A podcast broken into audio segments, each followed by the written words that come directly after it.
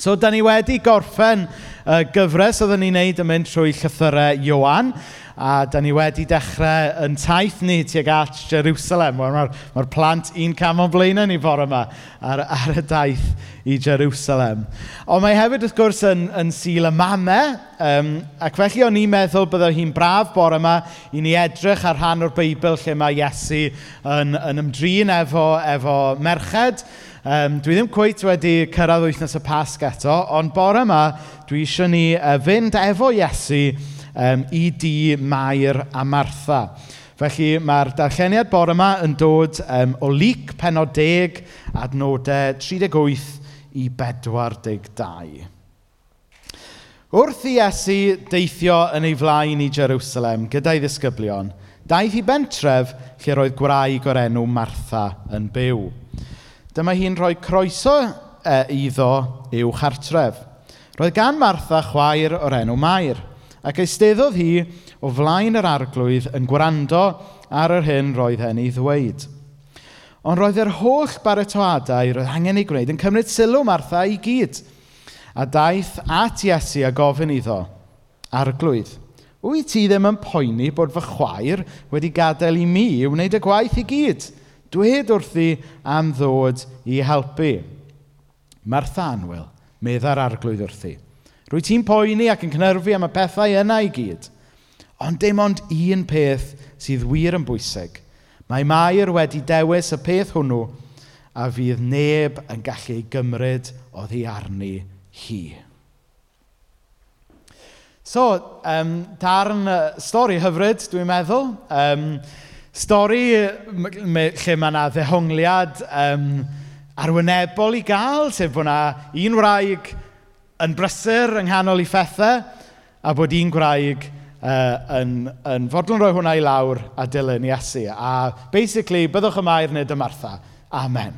Dyna, dyna un sort of dehongliad, uh, syml, um, da, ni, da ni wedi clywed falle o'r hanes yma. Ond mae yna fwy yn mynd mlaen yma. Mae, mae yna bethau dyfnach yn mynd mlaen yma sy'n dweud rhywbeth dofn iawn i ni ynglyn â'r gwahoddiad i ddilyn Iesu, ond hefyd y lle a'r anrhydedd mae Iesu yn rhoi i ferched yn ei deyrnasau. Yr anrhydedd dyn nhw falle ddim yn cael mewn cylchoedd eraill. Ac ar syl y Mamau, e, mae e'n beth da, dwi'n meddwl, i ni atgoffa'n hunain o'r rhan bwysig yma o, o waith y deyrnas a, a, a gweinidogaeth yr arglwydd Iesu. Nawr, um, da ni dal yn byw mewn cymdeithas be maen nhw'n galw yn batri archaidd. A dwi'n gwybod bod yna airon i'r ffaith mae dyn sydd yn pregethu yma yn deud hyn.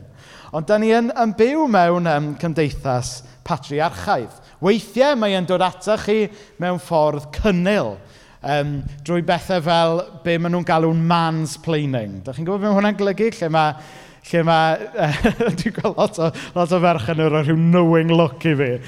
Lle, tywa, da ni fel dynion jyst yn meddwl bod ni'n gwybod yn well ac yn, yn trio esbonio rhywbeth a mae'r gwragedd fel, ie, yeah, fi'n gwybod, tyfod.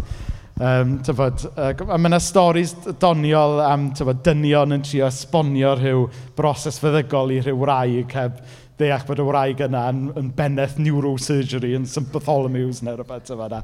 A mae'n ma siŵr bod chi'n chi meddwl am storys falle yn eich bywyd chi hefyd. Ac um, Ond wedyn, mae yna bethau fwy... um, o un peth doniol hefyd sydd dal i ddigwydd weithiau yn tŷ ni yw mae yna, mae yna lythyrau neu cardiau yn cyrraedd y tŷ i Mr a Mrs Rhys Llwyd. Ma' rhyw ryw quirk bach yn y byd Cymraeg, chyfo, Mr a Mrs Rhys Llwyd. Fel, tyfo, fel tasau Menna Druan just yn Mrs Rhys Llwyd, ond dyna ni.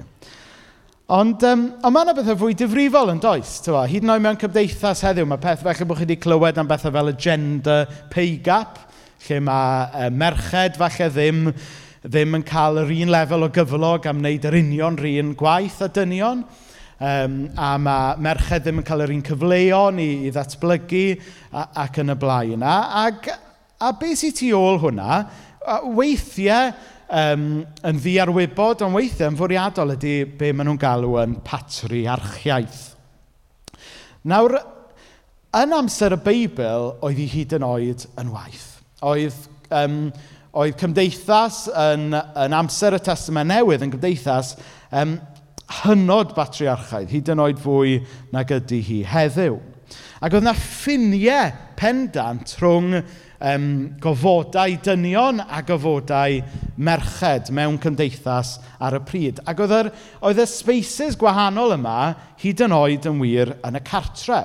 So fysa'r dynion uh, oedd yn cael mwynhau y gofodau cyhoeddus yn y cartre, lle byddai disgwyl i'r merched fod sort of, tucked away yn y stafelloedd preifat yn y tŷ. Dyna oedd yr arfer cymdeithasol ar y pryd.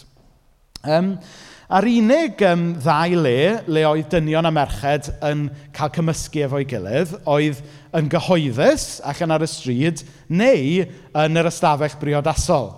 Dyna, ond fel arall, oedd dynion a merched yn cael eu cadw ar wahân, oherwydd mi oedd statws gan ddynion, ond oedd dim statws gyda merched, heblaw mae statws oedd yn dod o fod yn linked i ddyn.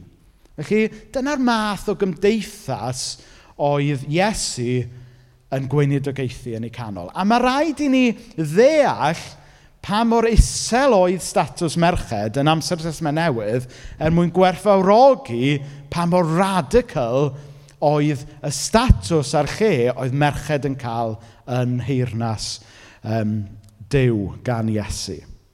So, um, at um, Martha a Mair. So mae, mae Iesu mynd um, i'w cartre nhw ac um, a mae, mae Mair um, yn mynd i iste draed Iesu. Ond oedd Martha'n rhy brysur i wneud hynny. A fel o'n i'n dweud, y dehongliad traddodiadol yw oedd bod ni fod cymryd hwnna'n hollol literal ac oedd hi yn rhy brysur i fynd. Oedd staff gyda hi wneud. A da ni gyd yn gwybod beth ydy o i gael stwff i wneud. Yn dydan, mae bywyd yn fywyd prysur. Ond oedd yna fwy yn mynd mlaen yma mewn gwirionedd. Beth oedd yn digwydd fan hyn oedd fod gan Martha um, be Sacovich Ray yn galw cwylydd. Tyfod? Neu bod, bod hi'n embarrassed o beth oedd hi chwaer yn gwneud. Beth oedd yn chwaer i'n gwneud? Yn mynd i iste o'r draed y dyn yma yn y stafell gyhoeddus. Efo fi yn y gegin dylai hi fod. Felly, oedd yna rhyw fath o embarras cymdeithasol gyda Martha mewn mlaen fan hyn, bod i chwaer hi mor cheeky a bod hi'n mynd i iste o'r draed Iesu. A, ac yn yr un ffordd, oedd Martha ddim yn meddwl bod hawl gyda hi fynd i iste o'r draed Iesu. Oedd hi'n meddwl mai i lle hi, oedd allan o ffordd yn y gegin. A mae dim ond y dynion fysa'n cael mynd i ista o'r draed Iesu.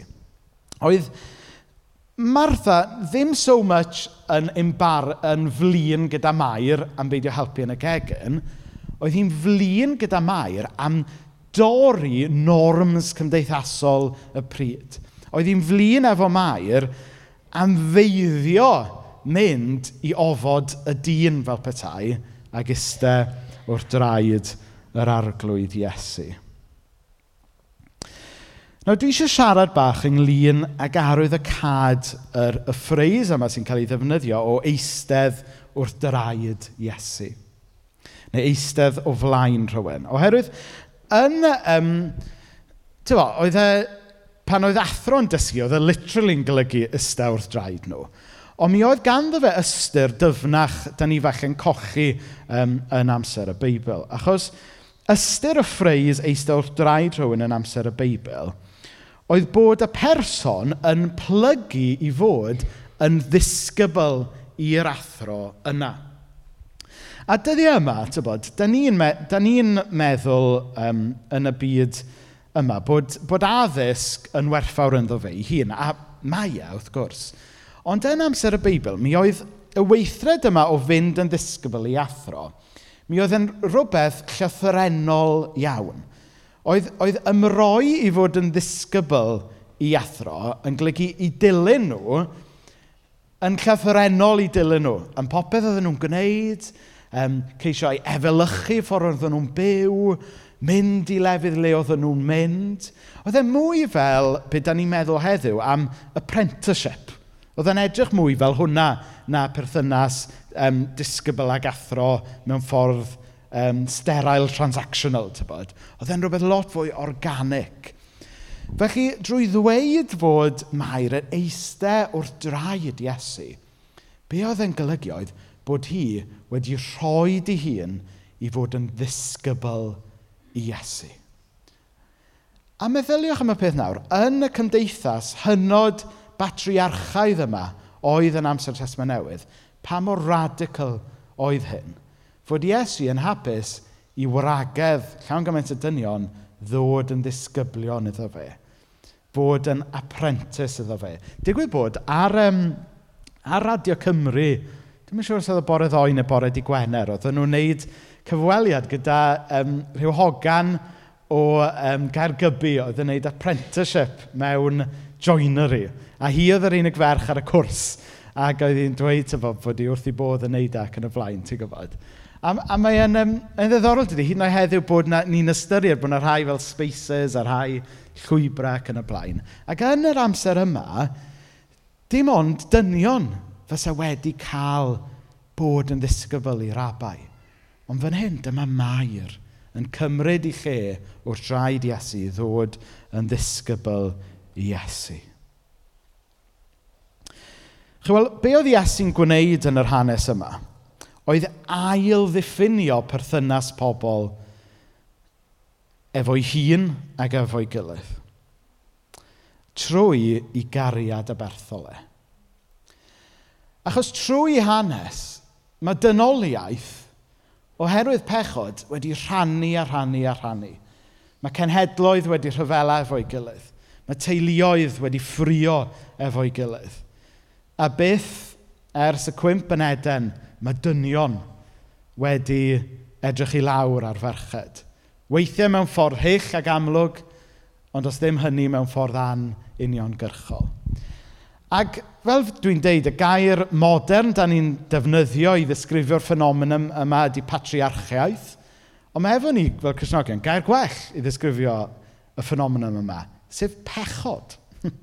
Dyna sy'n digwydd pan mae pobl yn camdrin pobl eraill. Boed hwnna yn, yn un cenedl yn mynd i ryfel efo cenedl arall, neu pan da ni, dynion, yn trin merched yn israddol.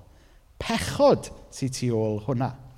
Ac wrth i ni droi yn llygau tuag at y pasg, da ni'n cofio bod Iesu wedi dod i achau y byd yma o bechod. A mae hwnna'n digwydd yn gyntaf ar lefel personol. Mae Iesu'n delio efo'n pechod personol ni. Ond dwi'n credu hefyd fod Iesu wedi dod i herio a delio efo pechod ar lefel um, cymdeithas heddiw, ar societal level. Dyna pan bod e'n iawn i ni fel Cresnogion frwydro dros gyfiawnder. I ni frwydro yn erbyn y ffordd mae pechod yn distrywio, nid yn unig yn bywyd y personol ni'n aml, ond hefyd yn distrywio cymdeithas hefyd. Mae Testament Newydd yn dweithio ni fod Iesu wedi ail-ddiffinio y berthynas rhwng iddewon a groeged. Ond mae hefyd wedi ail-ddiffinio'r berthynas rhwng dynion a gwragedd. Oherwydd pechod, mae gan ddynion rhyw, rhyw um, oruchafiaeth dros ferched. Ond oherwydd cymod Iesu ar y groes, da ni'n gallu deud eto bod ni yn un yng Nghyst. Ac felly, ddim yn unig fod hawl gan Martha eistedd wrth draed Iesu llawn gymaint ac oedd hawl gan Pedr a'r dynion – Ond mae yna hefyd galwad ar Martha i ddod i eistedd wrth draed Iesu. A weithiau, mae pobl angen clywed hynna. Falle bod pobl yn gwybod fod, fod ganddyn nhw um, hawl i ddod at Iesu, ond bod yna rhywbeth ynddo chi dal yn dal chi nôl, tybod. Meddwl bod chi'n anheilwng neu ddim yn meddwl bod hwnna'r lle i chi. Ond dwi eisiau deitha chi bor yma, does dim jyst hawl gyda chi ddod at Iesu. Mae yna alwad i chi ddod at yn ddisgybl i Iesu. Pwy bynnag i chi, beth bynnag yw'ch eich cefndir, os ydych chi'n ddynion neu yn farched, mae yna ddim unig hawl, ond mae yna alwad i chi gymryd eich lle fel disgybl i Iesu bore yma. Nawr, dwi eisiau mynd nawr nôl at y sort of y, yr dealltwriaeth traddodiadol o'r, or hanes yma sy'n sôn am bod, bod Mair wedi rhoi um, space um, i ddod yn ddisgybl i Iesu, ond bod Martha jyst yn rhy brysur. Mae gyda hi gormod mlaen i ddilyn yr Iesu yma. A dwi'n meddwl, a bod yn deg, er bod fi wedi gwneud hwyl ar ben y dehongliad syml, mae yna wers bwysig yn fyna hefyd yn does. Um, da ni yn byw mewn byd prysur, yn dydan. Da ni yn byw mewn byd sy'n trio gwasgu pob munud allan ohono ni. Da ni'n byw mewn byd demanding iawn yn dydyn. Ac felly, os nad ydyn ni yn bod yn intentional amdano fe, da ni'n gallu byw yn bywyd prysur heb stopio i adael yn hunain istawr draed Iesu. Nawr, o'n i'n um, mewn, dwi wedi rhannu'r stori yma um, o'r blaen, ond o'n i mewn am cynhadledd i weinidogion rhai blynyddoedd yn ôl. A dwi'n cofio un gweinidog yn rhannu stori gyda ni am y dau eglwys gwahanol oedd e wedi bod yn weinidog arnyn nhw. Um, oedd e y gweini, yr eglwys cyntaf fi oedd e'n weinidog anyn nhw. Dwi'n siŵr bod yn impersonal fan hyn i gyddio pwy dwi'n siarad. Ac um, yr eglwys cyntaf fi oedd e'n weinidog anno, oedd e mewn ardal diwydiannol iawn. Um, lle oedd yna uh, weithfeidd stil mawr. So, dwi wedi narwo fel lawr i ddau dring y bryd barod. Ac um, oedd e weinidog mewn ardal lle oedd... Um, a oedd hi holl, holl aelodau'r eglwys yn, yn gweithio um, oedd yn rhyw fath o one industry town math o beth. Oedd pawb yn gweithio yn y, yn y gwaith uh, dir. Ac um, oedd pawb yn gweithio'n galed iawn, pawb yn gweithio oriau hir iawn, dan amodau caled iawn ar gyflog digon syml nôl yn y 60au a'r 70au. Oedd, o'n nhw ddim yn cael llawer o wyliau, ac os oedden nhw'n mynd yn sal, yna oedd, oedd, yr, oedd yr oedd y compensation oedden nhw'n cael yn, yn ddim byd, ddim yn ddigon i fyw arno mewn gwirionedd. Um, ond yn ystod i holl flynyddoedd e yn gweinidogaethu yna, nath e ddim clywed um, dim un person yn dweud bod nhw yn stressed.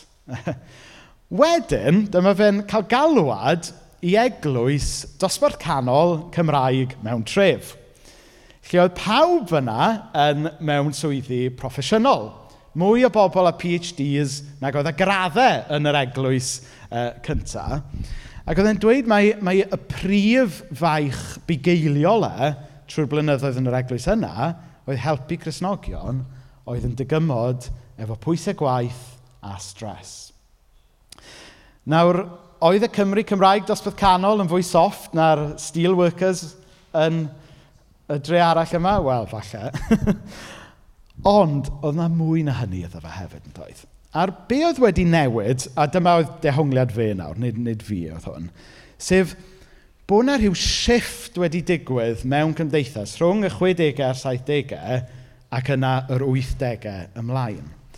Ac, tyfa, na i ddim i henwi hi, ond fe ddath yna rhyw brifweinidog newydd mewn i'r mewn i rym, nath ddod ar rhyw foderniaeth newydd, yn do? Nath ddod ar rhyw draif newydd ar, ar um, fod yn effeithiol, bod, tywa, cael y, y mwyaf allan, o'r, o, allan o bob ceinio, cael y mwyaf allan o bob munud o'ch dydd, cael y mwyaf allan o'r gweithwyr, torri lawr ar hawliau gweithwyr, ac yn y blaen, ac yn y blaen, ac yn y blaen.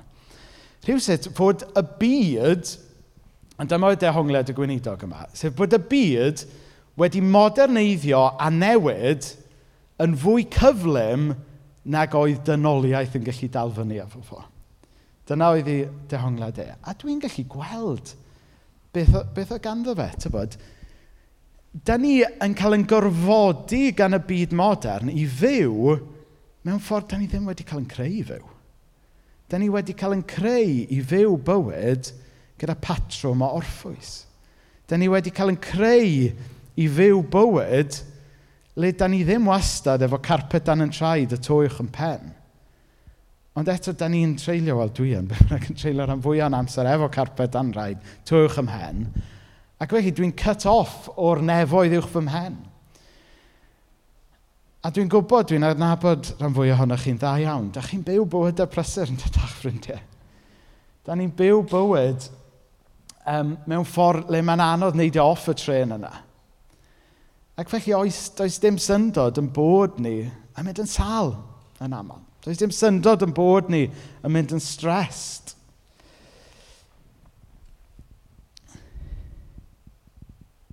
Tybed, ydy ni yn hytrach na bod yn eiddigeddus o mair, bod ganddi hi amser i fynd i ystyr wrth draed Iesu. Tybed ydyn ni angen dysgu gwersi gan mair a gwybod fod e'n okay i roed y tŵls i lawr. Tybed oes angen i ni fod yn fwy onest gyda'n hunain i ddechrau ynglyn â be ydy'n capacity ni. Tybed oes angen i ni fod yn fwy dewr wrth siarad efo'n cydweithwyr ni. A dweud, dwi angen amser i eistedd wrth draed Iesu. Wel, oce, okay, so newch chi ddweud hynna wrth eich cydweithwyr, byddwch chi'n meddwl bod chi bach yn weird. So, phrase it in a different way. Chi'n deall beth dwi'n dweud yn dydach. Oedd Martha mor brysur yn ei pethau, falle am rhesymau cymdeithasol, fel nes i ddweud ar y dechrau, ie, ond falle jyst, mewn, to, mae rhaid i ni dropio rhai pethau yn does er mwyn i ni cael amser i diwnio mewn i Iesu. A dwi'n teimlo fod yr addoliad bore yma wedi bod yn amser sydd wedi helpu ni wneud hynny. Um, yna lot o bethau yn, yn mynd mlaen yn y mywyd i'n bersonol hyn o bryd. Lot o bethau dwi'n poeni amdano, ond nath yr addoliad yna, diolch Robin, helpu fi diwnio allan o hyn am fyned a troi at yn dew yn y nefoedd. Fi yna rai ohonych chi, dwi'n gwybod, mewn ychydig wythnosau, wythnos y pasg, mae yna daith weddi wedi cael... Mae yna ddau taith weddi wedi cael ei trefnu. Un yn mynd i'r mynyddoedd, a dwi'n gwybod bod hwnna yn rhywbeth sy'n helpu pobl gysylltu efo dew. A dwi'n gwybod mae rhai pobl jyst yn mynd fynd rown dre, cael amser da fo ffrindiau, cael paned o de. A dwi'n gwybod fod hwnna sy'n helpu rhai pobl i gysylltu efo Dyw. Ond be bynnag sydd yn helpu chi gysylltu efo Dyw, ffeindiwch y ddisgyblaeth ysbrydol dros yr wythnosau'r misoedd nesaf i wneud hynny. Dysgwch fod e'n okay i adael rhai pethau i lawr. Achos, fel mae Iesu yn dweud, dim ond un peth, adnod 42, dim ond un peth sydd wir yn bwysig. Mae Mair wedi dewis y peth hwnnw, a fydd neb yn gallu ei gymryd oddi arni hi. Dwi angen cael yn atgoffa hyn y bore yma. Dwi'n gwybod sydd ydych chi hefyd. Ac felly, dyma ni, yng nghanol tymor y grawys wedi dechrau'n taith tuag at Jerusalem, yn cael yn atgoffa eto fod Iesu yn yn galw ni. Fod Iesu yn yn galw ni ddilyn e, ond mae Iesu hefyd wedi dod â iachad mewn i'n bywydau ni a mewn i gymdeithas. Mae Iesu wedi'n caru ni a mae Iesu eisoes wedi ennill i fuddugoliaeth. Ond da ni'n aml yn dydan yn teimlo fel um, alltudion, fel exiles. Dwi'n siŵr bod hiraeth ganddo ni fod yn llai brysur. Mae hiraeth ganddo ni i ffeindio fwy amser i fynd i ddringo'r mynydd i siarad efo Dyw. Ond mae'n hawdd dweud hynna, dydy. Da ni'n byw yn y byd yma nawr, dydan. A do, mae rhaid i bawb fynd i'r gwaith bore fori a mae yna galwadau teuluol o bob math o bobl. Felly, be am ni o leiaf gweddio y bydd Dyw yn dangos i ni sut mae byw fel pobl y deyrnas sydd i ddod yng nghanol y deyrnas yma sy'n aml yn ruthless gyda'n hamser ni. Be am i ni, fel y salmydd, ffeindio ffordd o ganu cyneuon seion yn y byd estron yma da ni'n byw yn ddo nawr. So, dwi'n just mynd i wahodd y band fyny nawr. Um, sorry, dwi ddim di um, planio hwn mlaen llaw, ond Jyst falle i ddechrau chwarae rhywbeth yn dawel yn y cefnder, a wedyn na i'n harwain ni mewn gweddi. A dwi'n deall, ti'n bod, fod, fod y neges yma wedi bod um, dros bob man, bore yma chydig bach, ond um, dwi'n gweithio fydd, fydd rhan o'r neges wedi cyffwrdd efo pawb bore yma. Ond y peth pwysica yw, felly bod yna rhai pobl yma, bore yma, yn, fel Martha. Da chi jyst i bod mor brysur yn ddiweddar Nes bod chi ddim jyst heb cael amser i um, iste draed Iesu. Ond falle, falle, bod chi'n jealous pan da chi wedi gweld pobl eraill wedi ffeidio'r amser. A bod angen i achad yna yn y galon i ddechrau. Falle bod rhai pobl yma bore yma heb gael amser i ysel draed Iesu. Achos bod chi ddim yn teimlo bod hawl gyda chi. Bod yna jyst rhywun neu rhywbeth wedi dweud rhywbeth. Fod yna rhywbeth yn eich bywyd chi falle chi'n meddwl na, dwi ddim digon da, dwi ddim digon glân neu rhywbeth. Wel, dwi eisiau chi o bobl yma, holl bwynt dod at Iesu yw bod, bod o'n derbyn ni jyst fel i ni. Os oes yna rhywbeth anodd mewn mlaen yn bywyd ni nawr, peidiwch cael hwnna i stopio chi ddod at Iesu, achos dod at Iesu sy'n mynd i helpu chi delio efo'r peth anodd yna beth bynnag.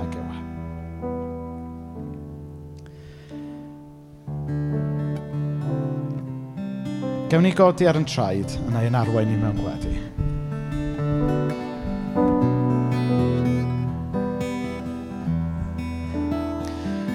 O ddiw dad, dwi jyst eisiau diolch i ti bore yma am yr anrhydedd wyt ti yn rhoi i ferched yn dy deyrnas. Madde i ni fel unigolion, fel eglwys a fel cymdeithas am beidio anrhydeddu gwragedd fel y gwnest ti. Ac i ni'n diolch fod lle i bawb o ba bynnag gefndir, o ba bynnag genedl, bechgyn neu ferched, fod na nid yn unig lle, ond mae yna alwad i fod yn disgyblion y dy deyrnas di. O ddiw dad, i ni'n cyflwyno pawb yma ym mhrysurdeb ac yng ngofidiau bywyd. So na rywun yma bore yma, ddiw dad, yn, yn ffeindio hi'n anodd troi ag iste lawr wrth dy draed di, boed hynny oherwydd prysurdeb neu rhyw sens bod dim hawl. Yna o ddiw dad, i ni'n gofyn i ti newid sefyllfa, i ti naddu lle yn eu bywyd nhw er mwyn i ti gael sibrwd geirio heddwch mewn i'w bywyd. Os yna rhywun yma yn stryglo gyda rhyw sens bod dim hawl gyda nhw ddod ata ti, Wel, oedd yw dad, gad iddyn nhw wybod fod ti yn ddiw a breichiau agored bore yma. Ti'n derbyn i yng nghanol yn llawn o'n gyfidiau. Ti'n derbyn i o ddiw dad yn llawn o'n pechodau. Oherwydd ti yn iachau ni o bechodau ddoi, heddiw ac y fori. Felly o ddiw dad ar ddechrau daith yma tuag at y pasg, i ni'n diolch fod ti wedi dod i achau byd toredig. I ni'n diolch fod ti'n iachau yn calonau toredig ni. Wyt ti'n dymuno dod â iachad i'n teuluoedd ni. Ac wyt ti hefyd yn dymuno iachau um, yr elfen toredig yn yn cymdeithas ni, pan mae pobl yn camdrin i gilydd.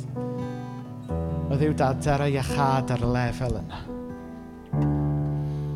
lle o ddiw dad i ni'n troi yn hunain ato ti bore yma, yn ail gyflwyno'n hunain i ti, gan ofyn y cewn ni brofi yr hawl a'r alwad i fod yn ddisgyblion i ti fel mair. Yn enw Iesu. Amen.